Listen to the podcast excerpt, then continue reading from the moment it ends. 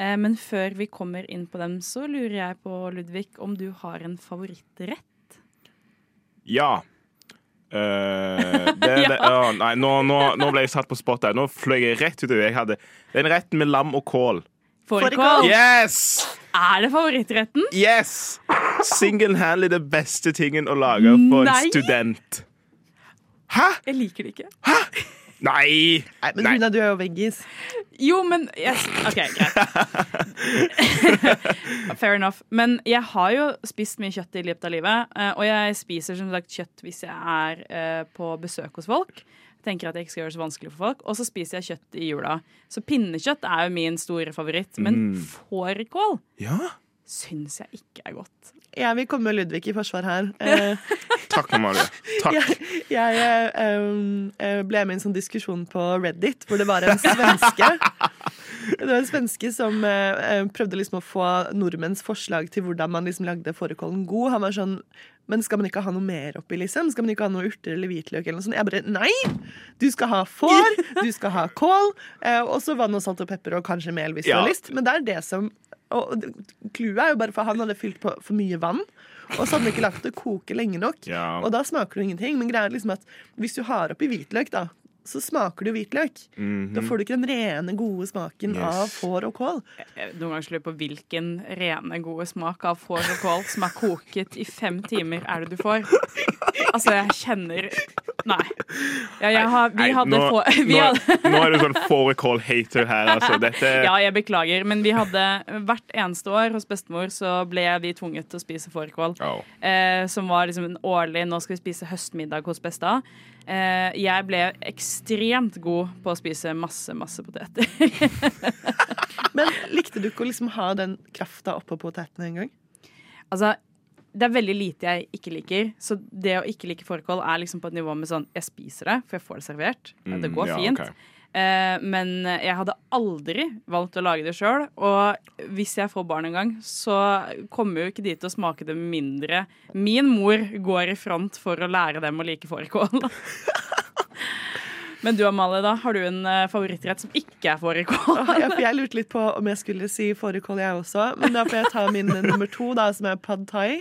Som jeg syns er litt flaut pga. det matsegmentet vi hadde Ja. eh, for litt siden. Men eh, jeg er faktisk ekstremt, bortsett fra når det gjelder fårikål, Mm. eh, ekstremt litt opptatt av at mat skal være autentisk. Okay. Det er egentlig kun fårikål jeg mener skal være autentisk. Men eh, altså, Du kan godt lage det på en annen måte, men da er det ikke fårikål. Liksom. Da har du lagd Ja. en lammegryte med kål. Det er greit, det. Um, men eh, bortsett fra det, så mener jeg liksom spis det som er digg, liksom. Ja. Um, så pad thai, jeg står for det. Altså, Dette med hvordan man lager maten, er jo det vi skal eh, videre inn på nå. Fordi at eh, jeg for eksempel elsker sushi. Uh, syns wasabi er godt, men gud, så sterkt. Men det er veldig godt. Eh, men så har jeg funnet ut, eh, etter at Lisa har gjort litt eh, research, at wasabi er ikke nødvendigvis wasabi. Nei. Så da lurer jeg på, hva er det da? Mat. Det er essensielt for alt liv på jord og har historisk sett stått helt sentralt for de fleste kulturer vi finner i verden. De fleste land har f.eks. en nasjonal rett, som i Norge er fårikål. Om du spør de fleste mennesker hva de har som favorittrett, så vet de gjerne det. Men det er ikke alle matvarene i butikkhyllene som utgir seg for å være det de egentlig er. La meg opplyse deg om et par av dem. Noe vi her i Oslo spiser veldig mye av, er sushi. I en undersøkelse presentert av NRK svarte 68% at i Oslo så spiser de fisk mellom én til to ganger i uka. Og ofte skyldes dette sushi. Sammen med sushi kommer en rekke tilbud, Som rå ingefær, soyasaus og wasabi. Eller er det egentlig wasabi? Tradisjonell wasabi er laget av wasabiplanten, som er en kålrotplante i slekt med kål og pepperrot. Den vokser langs fjellbekker i Japan, hvor det er plenty med skygge og grusete jord. Planten trenger veldig spesifikke krav for å trives, og blir derfor fort regnet som en av de vanskeligste grønnsakene å gro kommersielt. Det er så langt bare ett gartneri i Europa som produserer ekte wasabi, og plantingen, høstingen og tilberedningen må gjøres for hånd. Ett kilo ferdigprodusert wasabi kan derfor koste over 3000 norske kroner. Pga. klodens store etterspørsel etter sushi er det mye større behov for planten enn hva vi klarer å produsere. Så for å kunne tilfredsstille våre wasabi- og sushibehov uten å ruinere oss alle, blir det derfor supplert med pepperrot. Tradisjonell wasabi vil ha ganske mange biter i seg, og den vil ha en mer subtil sterkhet enn pepperroten har. Uansett er både fisk og pepperrot godt for deg, så det er bare å fortsette å gomle i seg sushien med den pepperrotske wasabien. Fra noe spicy til noe litt mer søtt. Mm, vanilje. Naturlig vanilje kommer hovedsakelig fra Madagaskar. Det er en spesifikk orkidé som pollineres og sankes for hånd, og å bli massert for hånd for å frigjøre stoffet vanilin. Den tørkede vaniljestangen, eller vaniljeekstrakten laget av disse stengene, selges nå som verdens nest dyreste krydder. Men som NRK forklarer, er ikke prosessen like søt som resultatet. Det krever store mengder vann for å dyrke orkideen. Og avskogningen er et relativt stort problem. Og bønder sitter ofte fast i gjeld og må ty til å bruke barna sine i produksjonslinjen for å få resultatene til å gå opp. Heldigvis er det for oss vaniljeelskere også mulig å produsere vanilin kjemisk.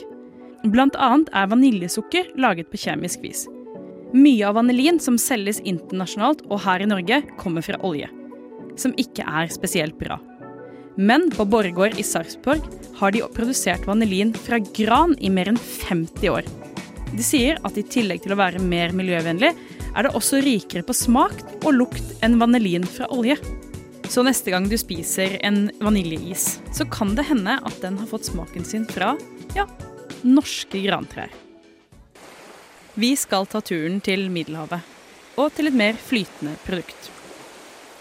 En mer ondsinnet erstatning av et ekte produkt er olivenolje. Olivenolje er, som ordet sier, produsert av oliven som man finner ved middelhavskysten. Oftest fra landene Italia, Spania eller Hellas. Oliven blir sanket mellom november og februar, og blir vasket og presset slik at oljen kan komme ut.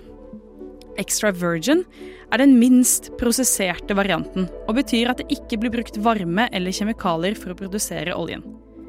Resultatet er en av de dyreste matoljene i verden. Men den er også lett å forfalske.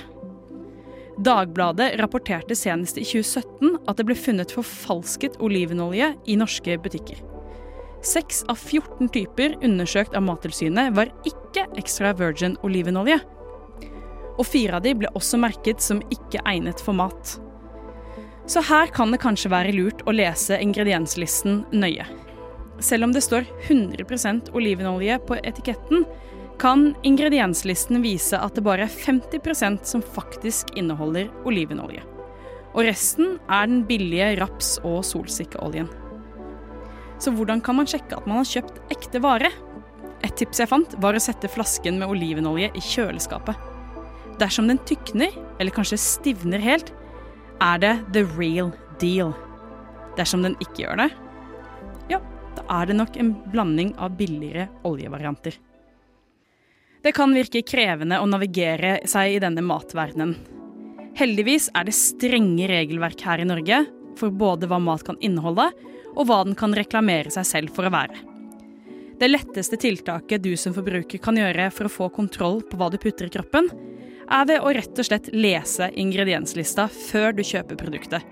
Og dersom du har muligheten, lage all mat fra bunnen av. Syns du dette var spennende og har lyst til å høre mer om mat og matfakta? Sjekk ut Umami hver fredag fra 17 til 18, eller der du hører din podkast.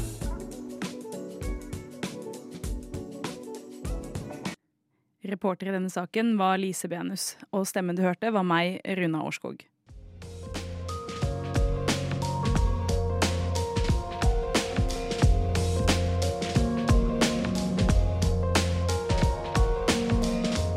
Du har hørt på en podkast fra Radio Nova.